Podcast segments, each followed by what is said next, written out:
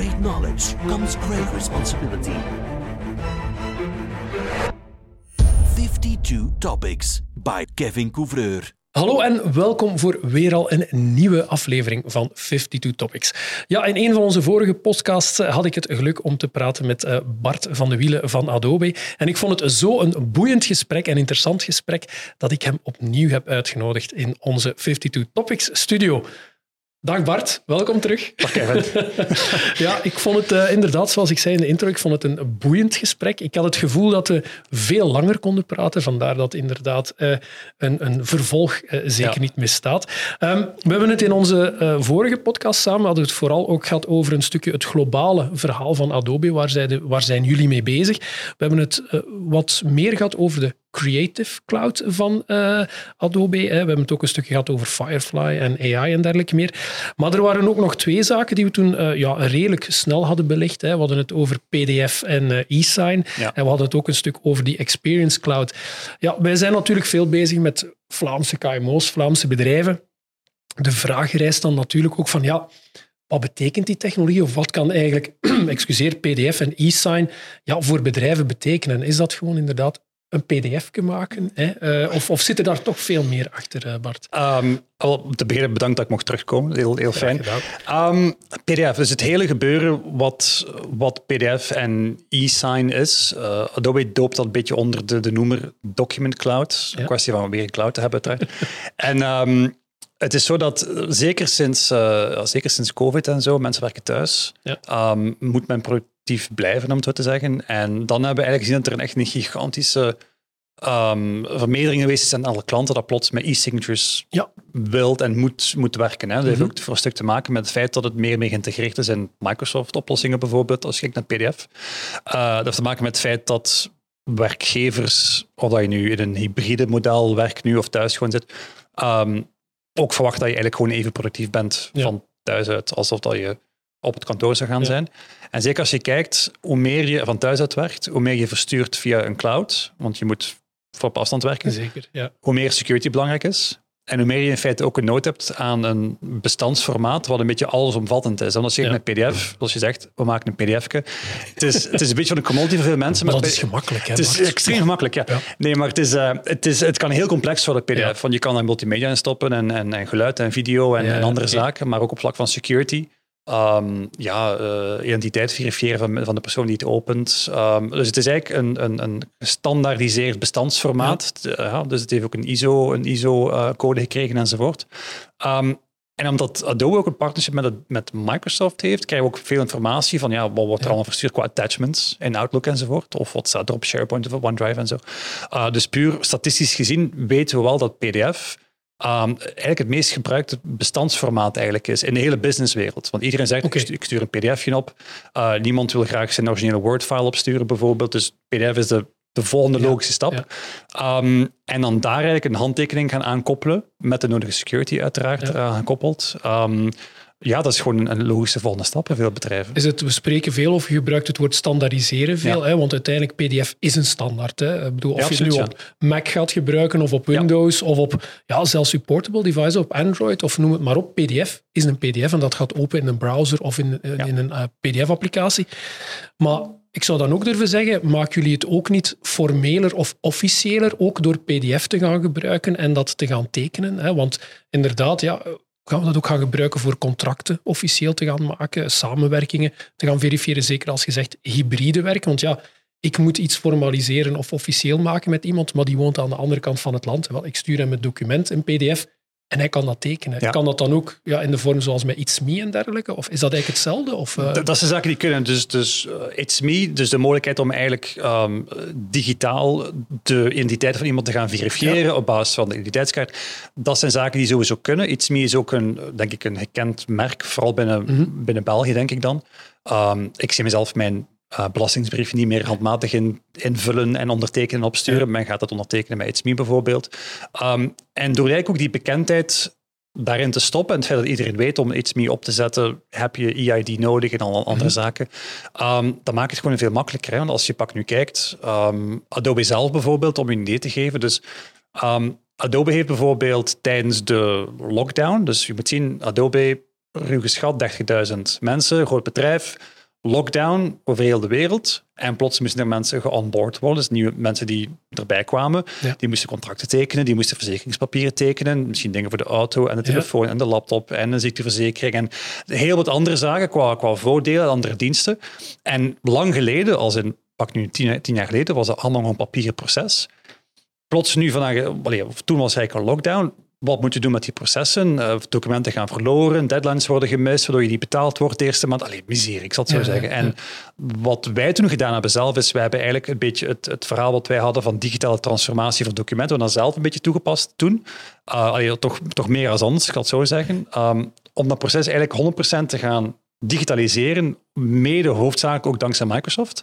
Mhm. Um, en sindsdien hebben wij eigenlijk, ja, hadden wij een foutmarge van, ik denk dat wij 99% alles correct binnenhalen op tijd. Maar dat gaat Ja. echt tot het maken van de badge, om binnen te mogen in het- in het gebouw en, en alles op en Ja. eraan.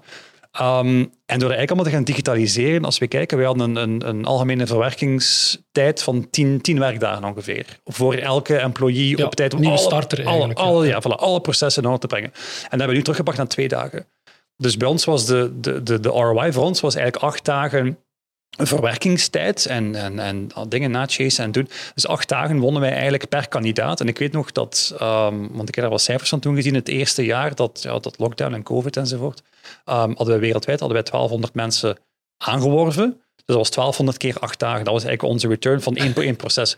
En dat is een beetje het principe van PDF, wat alomtegenwoordig is. Hè. Wij weten ook via, via Microsoft, uh, weten we bijvoorbeeld dat ruwweg 40% van de attachments die in een Outlook die via Outlook verstuurd worden, is een PDF. PDF, ja. En er zijn meer PDF's op SharePoints en OneDrives dan dat er Word-documenten zijn en Excels en PowerPoints. En Ja. Dus vandaag is dat echt ja, het bestandsformaat bij uitstek. Jullie zitten echt overal, hè? Het is, Jullie, we kunnen Adobe niet wegdenken. Hè? het is moeilijk om denk ik, een proces te vinden. Het zij denk ik in visuele communicatie of marketing of in dit ja, als je puur naar PDF kijkt, Ja. overal gebruikt wordt, waar op een of andere manier Adobe niet iets mee te maken gaat gehad Ja. hebben. Nou, dat, is wel, is wel een feit. Maar uiteindelijk, jullie hebben ook een doorgedreven samenwerking ook met Microsoft. Hè? Want als ik het eh, eh, mij goed kan herinneren van vorige podcasts en gesprekken dat ik heb gehad, PDF is eigenlijk ook een van de weinige bestandsformaten buiten de bestandsformaten van, van Microsoft en Office, die inderdaad ook volledig gesecured kunnen worden bin- binnen data loss prevention, eh, binnen tagging, eh, eh, binnen labeling, al die zaken. Dus ja, jullie werken heel nauw samen in dat opzicht. Eh, schrijven jullie misschien samen code of, of dergelijke? Of eh, gaat het niet zo ver, het huwelijk? Uh, het is grappig dat je dat zegt, want dat gebeurt eigenlijk wel af en toe. Um, dus er is sowieso sinds een paar jaar een strategisch partnership tussen Microsoft en tussen Adobe. Dus Adobe heeft ja, zijn eigen processen waar ze, waar ze sterk in zijn. Ja. Microsoft heeft, heeft haar eigen processen waar ze sterk in zijn. Ja. En dat was eigenlijk blijkbaar een, een goede match qua strategie. Um, dus daar is er ongeveer, ik geloof dat het een investering van denk ik een miljard dollar is of zo, die daarin gestoken is. Dat is al de moeite. ja. Um, dat is effectief wel de moeite, kan je iets mee doen. Hè? Um, het, zelfs, zelfs de CEO's, dus zelfs de, de Microsoft-CEO Satya Nadella en, en onze CEO Shantanu, die zijn trouwens ook samen naar dezelfde school geweest in secundair, dus is een zeer India is vrij klein, India is echt- ja, blijkbaar wel. Um, nee, en dat maakt het wel interessant. Hè. En als je trouwens kijkt, het is grappig dat je spreekt over code schrijven, dus bijvoorbeeld ook de, de integraties, want spreken over PDF, maar Ja. de vraag is eigenlijk, waarom zou je eigenlijk nog een PDF moeten maken voor een document wat bijvoorbeeld, stel nu je, je maakt een offerte in, pak nu wat in Word zou zijn, als je een KMO bent bijvoorbeeld, of een andere brief, iets dat moet ondertekend Ja. worden, een contract of verzekeringscontract bijvoorbeeld. Um, waarom zou je eigenlijk de koer nog naar PDF moeten gaan om het te kunnen versturen voor handtekening? Dus wat je in feite vandaag doet is native files gebruiken, native Office documenten gaan gebruiken en aan de hand van een magisch knopje in je Office 365 bijvoorbeeld dat rechtstreeks, oh, dat is zelfs niet meer nodig, rechtstreeks gaan versturen voor, voor handtekening. Dus, dus die omzetting gebeurt dan eigenlijk langs onze kant, want die Ja. integratie zit er feite standaard in, omdat die integraties, die plugins zijn eigenlijk geschreven in opdracht van Adobe met die Adobe engineers die verantwoordelijk zijn voor het e-sign Ja. gebeuren, Um, maar eigenlijk geschreven door de, de engineers van Microsoft. Ja, want als je van het, het cloud-platform van Office Microsoft 365, Office 365 documenten gaat openen, en je opent een PDF, word je eigenlijk ook geredirect naar eigenlijk de document cloud van, van Adobe. Ja, Hè? als je die hebt Ja. geïnstalleerd, ja, dan, dan, dan, wel. En dat is een beetje een, een, een kruisbestuiving. Hè? Want langs de ene kant is er integratie in Office 365. Langs de andere kant het andere platform, eh, waar je kort vermeldde straks, het hele Experience Cloud gebeuren, draait uitsluitend op Azure bijvoorbeeld. Dus, Ah, dus ja. het is een mooie kruisbestuiving op dat vlak van wat je in Ja. feite allemaal kunt, eh, kunt gaan doen daarmee. We hebben het gehad over dus PDF en uh, alles wat e-signing is. Hè? Ja. En ik denk dat dat inderdaad nog een lang leven en zelfs ook nog een, een doorgedreven toekomst zal hebben. Je haalt het nu natuurlijk, je hebt een mooi brugje gemaakt hè, naar de Experience Cloud. Hè. Je bent Ja. ervaren blijkbaar in het podcasten. Ehm, ja, Experience Cloud, we hadden het in onze initiële podcast ook over gehad. Hè. Eh, ja, een stukje marketing, een stukje meten. Meten is zweten. Ja, absoluut. Ja, wat moeten we daar eigenlijk nog meer over vertellen? Want ook ja, de vraag is van, ja, wordt het veel gebruikt? Ik denk wel, hè, want het blijkt dat er toch meer wordt gebruikt dan ik denk waarschijnlijk. Ja. Het wordt, hè, omdat ik het niet ken. Ongekend is onbemind natuurlijk. Zoiets, ja. Eh, maar als ik nu vandaag als, als bedrijf KMO zeg van ja, ja, die Experience Cloud, wat kan ik daarmee doen? Ik heb al mijn Creative Cloud, hè, eh, ik gebruik al PDF en dergelijke meer. Ja, die Experience Cloud, wat is die toevoeging eigenlijk op mijn, op mijn proces die ik dan voor het vandaag heb? Ja. Ja. Nu, het ding is dat ik ga, ik ga eens teruggaan in de tijd. Stel nu bijvoorbeeld, je hebt je eigen zaak en je zegt, ik ga duizend folders laten drukken. Ja. En je stopt je duizend folders in een brievenbus. Ja. Goed, en nadien kijk je op je website en je merkt, oh, ik heb een paar productjes verkocht bijvoorbeeld. Ja. Eigenlijk heb je geen idee om te weten waar die mensen vandaan komen. Hebben ze je folder gehad in de bus? Hebben ze met een kameraad gepraat? Je weet het eigenlijk niet. Dus het feit als je kijkt naar digitale assets, eh, niet alleen het produceren van de assets zelf, wat deels ook gebruikt, uiteraard wordt gestuurd door ehm, Creative Cloud, maar Ja.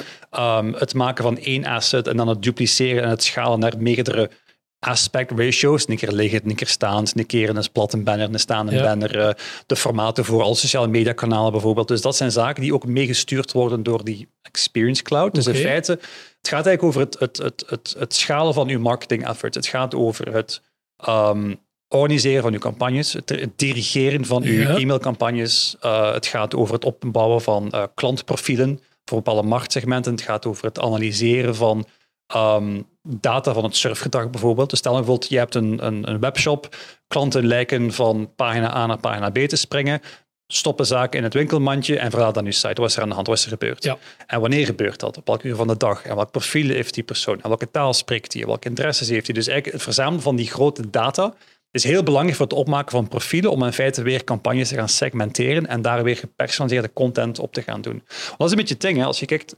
Adobe steekt heel veel geld in marktonderzoek. En er is een heel algemene verwachting dat eh, klanten, jij en ik bijvoorbeeld, die verwachten een, een, een gepersonaliseerde aanpak. Dus Meer jij- en meer waarschijnlijk. meer en meer Ja, sowieso. ja, ja. En daar is die AI ook weer voor een stukje in om die personalisatie mee te gaan, te gaan drijven eigenlijk. Dus wij verwachten bijvoorbeeld ehm, eh, ja, kleuren en, en graphics en zaken die ons aanspreken. Want bijvoorbeeld als ik eh, een jonge gast heb die op een skateboard aan het springen is en dat is een shot van een banner, dat gaat pak nu iemand, ja, eh, iemand van, van de Generation Z meer gaan aanspreken dan bijvoorbeeld iemand die net 65 geworden is. Dat is een heel ander profiel. En op basis daarvan naar segmentering te gaan doen, misschien met banners, AB-testing, dat zijn allemaal zaken die je Ja. aan de hand van real-time data in de gaten kunt gaan houden en kunt gaan beginnen bijsturen. En dus wordt dat ook allemaal een stuk dan dynamisch gestuurd? Hè? Absoluut, Allee, in functie van de profiel die gedetecteerd wordt. Ja. Ah, ik moet dat gaan tonen, ik moet beter dat Ja. gaan tonen. Ja. Ja, dat is het. hè. En dat gaat over simpele zaken. Bijvoorbeeld Netflix, om maar één voorbeeld te, te, te geven. Dus, ehm, dus Netflix heeft een profiel van jou. Dus, dus jij bent, pak nu, jij bent dan Kevin en je kijkt naar filmtype A, B en C. Ja. Ehm, de, de, de, de filmposter die je ziet, dus de thumbnail die je ziet in uw Netflix-omgeving, voor een Ja. bepaalde film aan te prijzen of een serie aan te prijzen, gaat die een invloed hebben op jou. Dat jij dan zegt van, ah, ik ga, ik ga eens kijken naar de trailer. Ja. Dus die afbeelding alleen al bijvoorbeeld wordt veranderd op basis van wat jij leuk vindt. Dus je Ah, gaat bijvoorbeeld merken, ik weet niet of, of dat je thuis meerdere profielen hebt, misschien met vrouw of familievoer of wat, maar je zou opletten dat soms bepaalde films en series een andere poster gaan tonen van dezelfde serie of dezelfde film, puur omdat een andere gebruiker die passeert in de, in de Netflix-galerij, om het zo te zeggen. Dat gaat zo van de ver, ja. Dat gaat heel ver, ja. Dat is een heel simpel voorbeeld dat ik geef, bijvoorbeeld. Ik zeg ook niet dat dat door Adobe wordt gestuurd, het is maar een illustratie even. Maar dat door de feite hoe, hoe, hoe dat die personalisatie het, het, het iets, ja, het een invloed hebben, een, een, een emotionele invloed hebben op het surfgedrag en de keuze die je maakt online, hoe dat eigenlijk effectief kan gestuurd worden en vooral kan gemeten worden. Stel dat je je duizend folders in de brievenbus gestopt hebt, je hebt daar geld in geïnvesteerd, je hebt geen flauw idee wat de return daarvan was. Je hebt Ja. echt geen idee, tenzij je weer een enquête gaat voeren. Dat is een beetje dezelfde discussie. Hè. We hebben het, eh, in, denk ik, ook in seizoen 1 al gehad over de investeringen in IT. Hè. We steken daar geld in, maar Ja. uiteindelijk gaan berekenen wat het rendement is of wat de return is van die investering is heel moeilijk. Ik denk dat dat ook een grote uitdaging is voor marketing in het algemeen. Ja, we investeren, we weten dat we moeten Ja. investeren in marketing, maar wat dat, dat nu opbrengt of hoe we het meetbaar kunnen maken. Hè. Ik denk natuurlijk, print was altijd een grote uitdaging. Ik denk natuurlijk met, met digitale media hè, wordt dat misschien iets makkelijker door het toevoegen van technologie en AI, Ja. denk ik. Sowieso, ja. Ja. Maar het ding is dat als je uiteindelijk kijkt, stel nu dat je zegt van, ik weet dat als ik mijn banners aanpas aan het formaat, taalgebruik, qua, qua, qua kopie, eh, kleuren en wanneer ik de banner toon en waar, als ik weet dat, dat verschillende versies een hoger rendement hebben Ja. voor doelgroep A, B en C, of verschillende taalgroepen, dan weet ik dat ik eigenlijk bijvoorbeeld een campagne van 100 beelden op sociale media en e-mails, dat ik dan eigenlijk drie keer 100 beelden moet maken. Dus je zit Ja. dan plots met die A, die personalisering, en B, met die schaal. Nu ga je dat schalen. Dat is ook trouwens ook de reden. Ik denk dat vermeld heb trouwens ook in, in uw vorige aflevering. Dus pak nu onze eigen Black Friday campagne. Ja. We hebben 50.000 assets gemaakt voor die Black Friday Dat is campagne. gigantisch. Dat is gigantisch, maar dat is nu eenmaal hoe het gaat. Want stel nu dat je, stel nu dat je een, een ander... eh, Ik ga nu een willekeurig merk noemen. Iets dat misschien, ik heb nu Ice Adventure. Om maar gewoon Ja. een merk te noemen. Allee, kom nu toevallig mij op. Stel nu bijvoorbeeld dat je duizend producten verkoopt. En je wil dat aanprijzen aan een bepaald publiek. Duizend producten. In België al met twee talen, misschien zelfs drie talen. Ehm, dat zijn verdomd veel assets op een heel Ja. korte tijd. Hoe ga je dat schalen? Dat is, dat is punt één. Dus hoe ga je van contentcreatie zoveel assets genereren? Ten tweede, wat gaat er gebeuren als je merkt dat bepaalde asset het niet goed doet bij een bepaalde klantenprofiel, Ja. een bepaalde leeftijd bijvoorbeeld, een bepaalde leeftijdsgrens, of bepaald iemand die, die eigenlijk niet, mensen die niet graag in de bergen gaan, gaan klimmen, maar liever gaan kamperen bijvoorbeeld, Ja. ik zeg maar iets.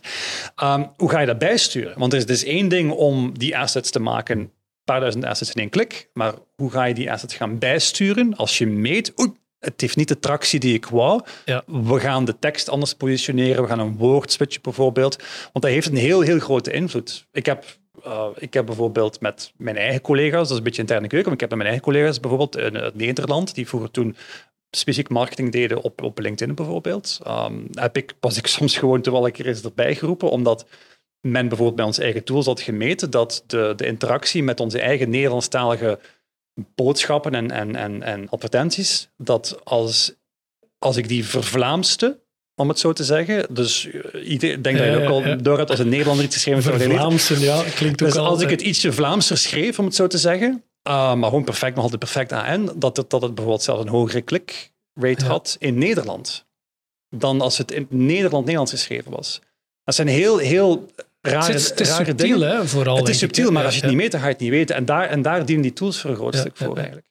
Dus op zich denk ik dat er geen reden zou zijn, of toch geen argumenten zijn voor bedrijven om volgens mij toch de Experience Cloud ook eens te gaan bekijken, denk ik. Zeker als je vandaag ook al investeert in de Creative Cloud Ja. en eventueel ook de, de Document Cloud uiteindelijk, om dan misschien eigenlijk als een vervolg eh, voor uw marketingambities en vooral ook het tastbaar, meetbaar maken, vooral inzichten te gaan creëren via die Experience Ja, Cloud. en Dus- dat, ja, absoluut. En dat is een beetje het ding, want wat er eigenlijk de laatste jaren gebeurd is, en ehm, als je dan de vraag stelt van waar is we mee bezig, dus dat is die schaalbaarheid van die content. Ja.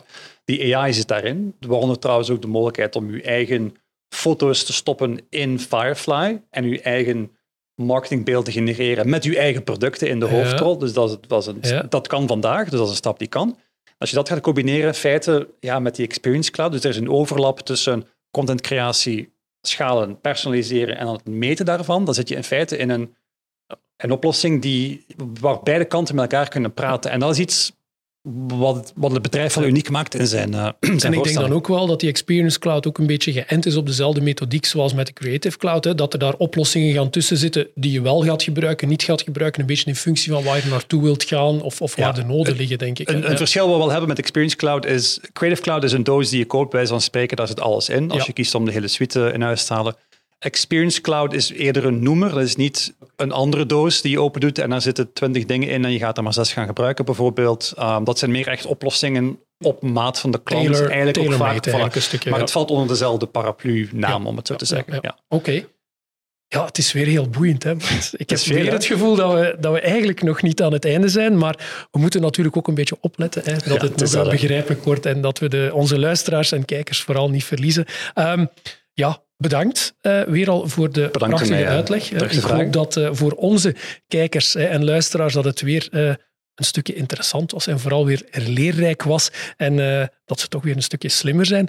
Dus voor jullie bedankt alvast terug om te luisteren en te kijken. Nog eens Bart, vriendelijk bedankt voor uw tijd Dank en uw kunde. En ik zal zeggen, op naar de volgende 50 Topics. Tot dan.